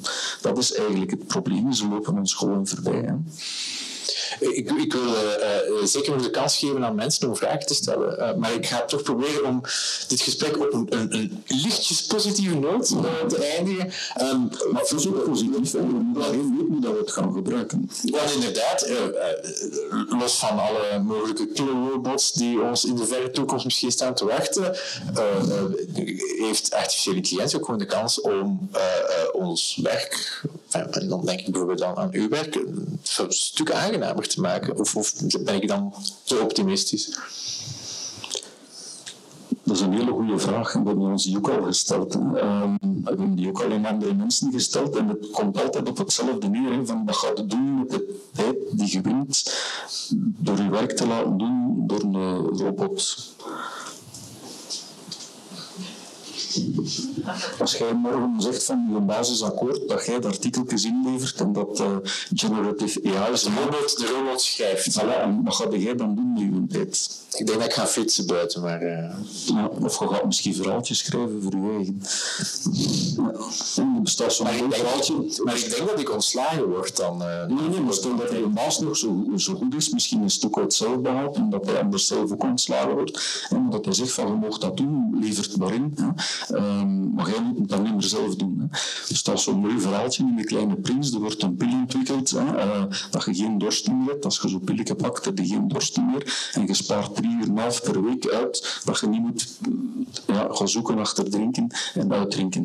En dan is de vraag van wat ga je doen met die drie uur en half? En dan zegt de kleine prins, dat is eigenlijk simpel. Ik ga me op mijn gemak onder een boom zitten. Ik ga mijn glasje water pakken en ervan genieten. Ik kan ook nog een, eh, een fictieverhaal schrijven over hoe artificiële intelligentie de wereld over zal nemen, want dat weigert ChatGPT om te doen. Is in de geneeskunde ook zo. Um, als je bij ons in ziekenhuis binnenkomt, dan moet je een identiteitskaart in een aanmeldzaal, noemt dat dan schoon. Hè. Uh, nu, 20% van ons publiek is zijn kaart al vergeten. Hè. Uh, 20% ja, dat zijn oudere mensen, die weten niet goed waar ze dat dan moeten insteken. Dus er staat dan een mens naast om die te helpen. Hè. Uh, wat het doel al een beetje voorbij gaat. Komt dan een ticketje uit dat je moet inscannen met je telefoon. Ja, niet iedereen heeft een smartphone. Ik heb dat bijvoorbeeld eigenlijk nog maar een jaar. Ben een vriend anti-techneut. Uh, dus dan staat het er al. Uh, dus ja, ik wil, wel, ik wil wel zien dat het positief is, dat het inderdaad dingen oplost, dat je dat efficiënter kunt. Maar de vraag is een beetje van wat doe je met die efficiëntiewinst op het eind van het verhaal. Hè? Als je in een ziekenhuis zit en alles gebeurt digitaal je wordt door een robotje rondgeleid, ik weet niet of te veel mensen zich dan echt geholpen gaan voelen. De technische fix is opgelost. Hè. Eh, je kunt een technisch probleem oplossen zonder dat er een arts bij te pas komt, zonder dat er iemand iets moet doen, maar voelt u echt geholpen? ik weet het eigenlijk niet goed. Ehm, ik denk dat dat een deel van de vraag is. Hoeveel geld en tijd en energie gaan we daarin investeren uh, in robotchirurgie, die veel meer kost dan de fysieke chirurgie. Um, maar ja, je hebt dan wel geen geld meer over om een verpleegster te sturen achteraf als die mens thuis nog verzorging nodig heeft, bijvoorbeeld. Hè. Want dan is het geld op. Een tweede probleem is dat we nu met een generatie chirurgen zitten die al niet meer gewoon kan opereren, want ze hebben dat nooit geleerd. Dus ze zijn wel al afhankelijk van die robot. Dus eigenlijk heeft die robot al overgenomen. Want als die robot zegt voort, dan staat het daar. Hè. Dus dat zijn dingen, de de-scaling noemt dat dan, uh, waar daar mensen wel mee bezig zijn binnen hun vakgebied. Hè. Van waar zit mijn zingeving dan? Ik ben nu vrij filosofisch, hè. het wordt echt stilletjes. Uh, Doe niet zo optimistisch meer eigenlijk. Maar, ik, kan misschien wel dus antwoord op geven, want een paar maanden geleden, dat is veel minder populair dan uh, ChatGPT, is GitHub Copilot uh, uitgekomen. Een beetje ChatGPT, maar voor programmeurs. Dus dat ding kan uh, heel goed programmeren. En er was inderdaad wel een zeer grote paniek onder de collega's van uh, gaan wij hier nog, nog werk hebben? En um, ook onder de studenten, studenten die echt overwogen om te veranderen van studierichting, omdat ze dachten, ja, programmeren dat gaat niet meer nodig zijn, want GitHub Copilot kan dat wel. Um, maar wat wij gemerkt hebben, is dat meer de taakjes die waar je niet bij moet nadenken, dat veel repetitief zijn, die zijn weg. Dat, dat neemt dat deel van ons over. Aan de ene kant maakt dat ons leven een stuk gemakkelijker, maar aan de andere kant ook deels moeilijker. Want wat blijft er nog over van taken? De dingen dat hij veel meer input in moet geven en dat je veel meer zelf over nadenken. Zoals hoe ga je dat programma gaan programmeren? Wat moet er daar allemaal in komen? Veel meer het abstracte denken blijft over. Wat dat dan deels ook uw leven wat moeilijker maakt. Want dat duurde achter dat ik gegeten heb en in de middag dat ik dan zo die taakjes deed, dat, dat, dat ik niet echt bij moest nadenken. Omdat ik toch mijn, altijd mijn uur heb dat ik veel minder productiever ben ja, dat valt me weg. En dat wordt vervangen door toch weer uur dat ik echt wel zeer zwaar, zwaar ofwel moet werken, ofwel ga keuvelen met de collega's. Jij mist jouw uitbuikuur, uh, ja. als het ware. Ja, echt wel. Uh, ik, uh, ik, ik, ga jullie alvast bedanken, maar blijf nog even zitten, want ik denk dat er mensen wel heel graag vragen willen stellen.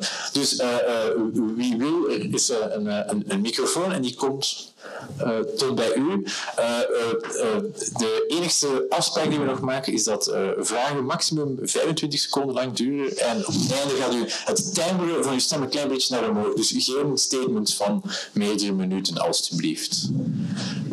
En na deze licht intimiderende introductie, wie, wie, heeft, wie heeft een vraag die je absoluut wil stellen?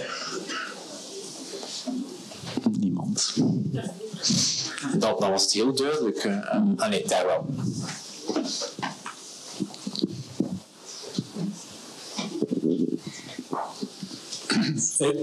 Ik had de indruk dat de, geneeskunde wel een beetje bang is van, van AI. Dat dat niet echt nodig is. Heeft dat niet excuseer, vooral te maken met het feit dat, dat de geneeskunde niet gewoon kan met, met data. Dat we, nog met gele klevers bezig zijn en dat men een huisarts alleen maar naar een laatste bloedstaal kijkt. Dus dat we, dat we gewoon nog stappen te zetten hebben en, en AI gewoon zo bedreigend is dat, dat ze daar bang van zijn. Um, ja, en um, ja, ik denk dat mensen daar op een bepaalde manier bang van zijn. Dat er een andere groep mensen is die er een beetje naïefachtig geloof in dat dat wel een probleem gaat oplossen. Um, het belangrijkste is dat je het gebruikt voor dingen waar het echt kan voor gebruikt worden, waar het voor gemaakt is en waar het een voordeel heeft. Hè. Als je in een labo werkt en iets ontwikkelt, zeg het moleculaire biologie of, of technologie, dat kan. Um, als je diagnostiek doet met uh, radiologie, hè, we hebben een week of twee, drie geleden een prachtige voorstelling gezien van een van onze uh, maxillofaciale chirurgen, uh, aangezichtschirurgen, waar dat hij zegt van op basis van artificiële intelligentie, dat is natuurlijk intelligent, is een zeer gesofisticeerde manier om dingen te berekenen, dat hij dus de maat van zijn prothese en de manier waarop dat hij bepaalde dingen insneders moet maken rond een tumor eigenlijk kan voorspellen, voorspellen vooraf oefenen eigenlijk zelfs hè, met, ja, op, demo's. Dat zijn natuurlijk stappen vooruit in de behandeling, hè. dat kun je niet ontkennen. Hè. Uh, maar het idee dat iemand gaat binnenkomen bij een arts of gaat binnenkomen uh, en een ticketje pakken en in de scanner draait, gelijk als in Star Trek van uh, Beam Scotty en daar is de diagnose en je zegt genezen. Sorry, dat gaat niet gebeuren, denk ik. Dus het zit een beetje tussen de twee. Hebt degene die de schrik voor moet eigenlijk ook niet, denk ik. Waar ik vooral schrik voor heb, is het misgebruik van die artificiële intelligentie, zoals ik al zei, die een dermoscan, dat wordt dan op de markt gebracht en iedereen begint dat te doen en dan zijn de poppen aan het dansen. En dan, dan creëer je een heel deel ja, vals positieven. En wat gaan we daar dan mee doen? Je hebt iets ontdekt, die man heeft 20% kans om binnen 10 jaar prostaatcarcinoom te ontwikkelen. Ja, gaat we daar dan een prostatectomie bij doen? Liever niet bij mij toch. Hè? Um, ja. Eh, en dat, dat zijn de vragen. En als je niet het antwoord daarop kunt geven voordat die technologie er is, dan wordt dat heel gevaarlijk. Hè? Want nu, genetica, we kunnen van alles voorspellen met genetica, maar blijven altijd voorspellingen. En wanneer gaat je een, eh, ik ga het nu een beetje maken, wanneer een, afdru een vruchtafdrijving, een zwangerschapsonderbreking uh, overwezen als die kans 20% is, 25%, 30%, 50%, 5%? Ja, maar de diagnostiek is er wel. En de vraag wordt gesteld terwijl dat de meeste mensen er dan niet op zitten te wachten. Hè. En ik denk dat we daar allemaal niet aan uit zijn. Al die ethische vragen moeten eerst stellen en pas dan de technologie introduceren. En het gaat zodanig roodsnel dat soms voorbij lopen. Er is geen wetgeving, er is geen regelgeving, er is geen ethiek. En dat is echt wel angstwekkend. En ik ben een techno-optimist. Ik doe al 30 jaar artificiële intelligentie. Ik geloof er echt wel in.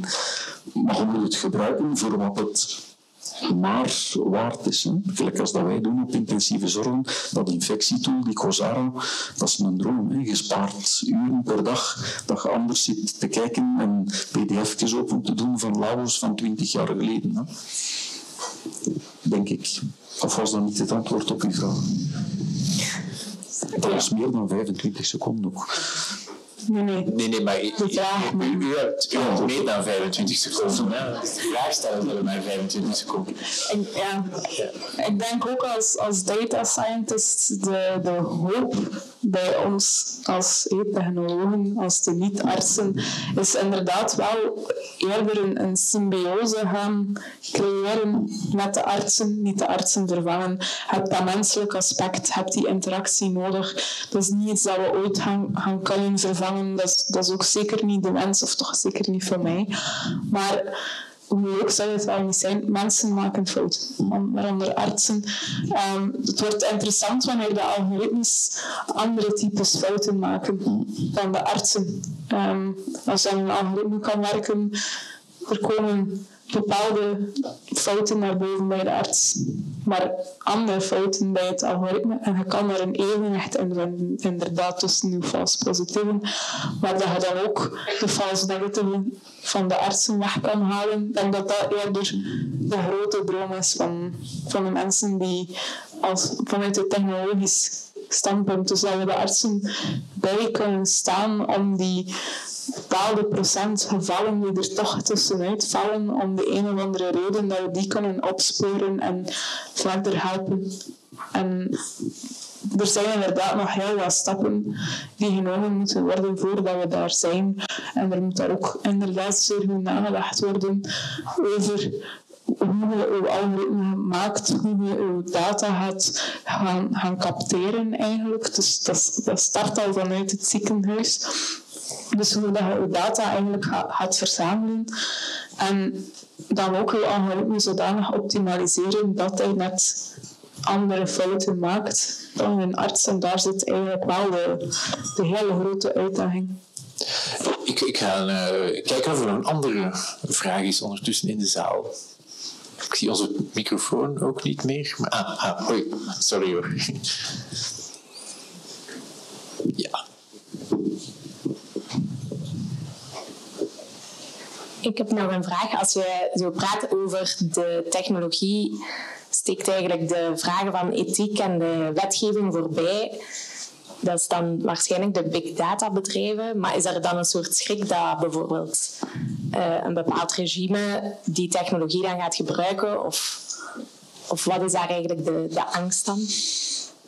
Uh, ja, dus dat mensen, men, uh, een regime kan, of een, een, compagnie, dat is nu al zo, dat de, farm, allee, de, de, de, firma's, ja, als je kijkt, de macht van Google, uh, al die, die big data, het is afgrijzelijk wat ze van u weten. Hè. Mensen realiseren zich dat altijd niet. Hè. Um, dat is één aspect, maar minstens even belangrijk vind het, valse geloof of het, het, valse vertrouwen dat men daarin heeft, hè, van dat gaat alles oplossen.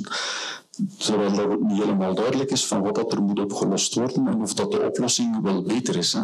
Ehm, ik ga me nu extreem onpopulair maken. Ehm, als je kijkt, de auto, ja, iedereen zal dat wel een vooruitgang vinden. Hè. Eh, dat is 100 jaar geleden uitgevonden, maar we zijn eigenlijk wel goed bezig met nu meer en meer vast te stellen dat dat meer problemen creëert dan dat het oplossingen genereert. Hè. Ehm, en dat is nog iets simpel eigenlijk. Hè. Dat is ja, met vier wielen dat van zijn. Maar als je dat loslaat, als je er nu over nadenkt van hoe ga je dat gebruiken, hoe kun je dat beperken, wat is het het doel daarvan, dan rijdt dat zijn eigen vast, letterlijk. Hè. Uh, files, et cetera, et cetera. En dus dat een beetje het idee van, je kunt wel van alles gaan weten, tot uw genetica, tot uw moleculair niveau toe, maar een mens is geen machine. En dat wordt vaak vergeten. Je kunt technologisch alles oplossen, maar ja, de mens blijft geen machine, de mens is een mens. Hè. Ehm, en, en, dat wordt een beetje vergeten. Dus ik denk dat we dat moeten zien, dat er zijn technische problemen in ons lichaam, als je dat als een machine bekijkt. Het is altijd tof dat we die kunnen oplossen, daar is de geneeskunde voor. Maar op een bepaald moment zitten over de limiet en zitten inderdaad in die ethische en de juridische dingen hè, die we gaan kunnen. En als je dat niet op voorhand goed overdenkt, dan ben ik er toch wel een beetje bang voor. Ja. En mensen willen daarin geloven. Hè. Mensen kunnen nu al niet meer verdragen dat als dokter zegt, daar kunnen we niks aan doen. Dat kan niet. Dat kan gewoon niet. Mensen willen dat gewoon niet verstaan, dat dat niet kan. Terwijl dat, dat wel zo is. Hè. Ik ga, eens een voorbeeld geven van iets waar ik persoonlijk toch wel soms aan denk. Um, Facebook kan aan de hand van een profielfoto uh, weten of je holy bent. En in een land zoals België, waar dat er toch wel zeer veel tolerantie is, kan je zeggen van oké, dat is allemaal wel oké, dat is allemaal niet zwaar. Maar wat als dat algoritme in een niet-tolerant land kan gebruikt worden voor het vervolgen van de mensen die daar aanwezig zijn. Dus dan is inderdaad de vraag, is dat nodig dat we algoritme maken? Want waarom Facebook dat gemaakt heeft, ik weet het niet. Um, dus je zit inderdaad wel dat je met dat idee, als je zo'n algoritmes maakt, wat is het nut daarvan? Zijn er dingen dat wij niet zien? Dat zijn inderdaad wel dingen dat wij als, als technologen, of ik, ik kijk toch zeker soms van ja, niet echt wakker dat is misschien ook overdreven, maar er toch wel even bij stilstaan en nadenken van ja, AI kan heel veel mooie dingen, maar AI zal ook heel veel er, zal, er zullen zeker mensen zijn die het zullen misbruiken en inderdaad, momenteel zijn er nog zeer weinig regelgevingen. En ja, is toch ook inderdaad iets, dat is ook een vrees binnen de community, zeker. Misschien nog een laatste vraag voor een enthousiasteling, of ook niet.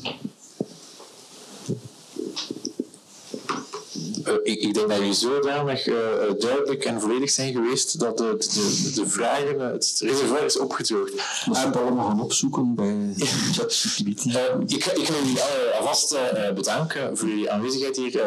Um, Van Bezen en Marie de Wit, ik ga jullie bedanken voor jullie aanwezigheid en die in, echt in zeer grote getalen was. Ik wijs er nog op dat er op 28 maart opnieuw een wetenschapscafé is hier over uh, en ik geef nog mee dat jullie uh, uh, dit uh, wetenschapscafé kunnen evalueren online op de website van Wetenschapscafé. En dan kunnen jullie deze sprekers danken en belonen voor hun inzet en de moderator afstraffen. als jullie dat zouden willen. Um, ik wens jullie nog een zeer fijne avond en ik zou zeggen, geef nog een kort applaus.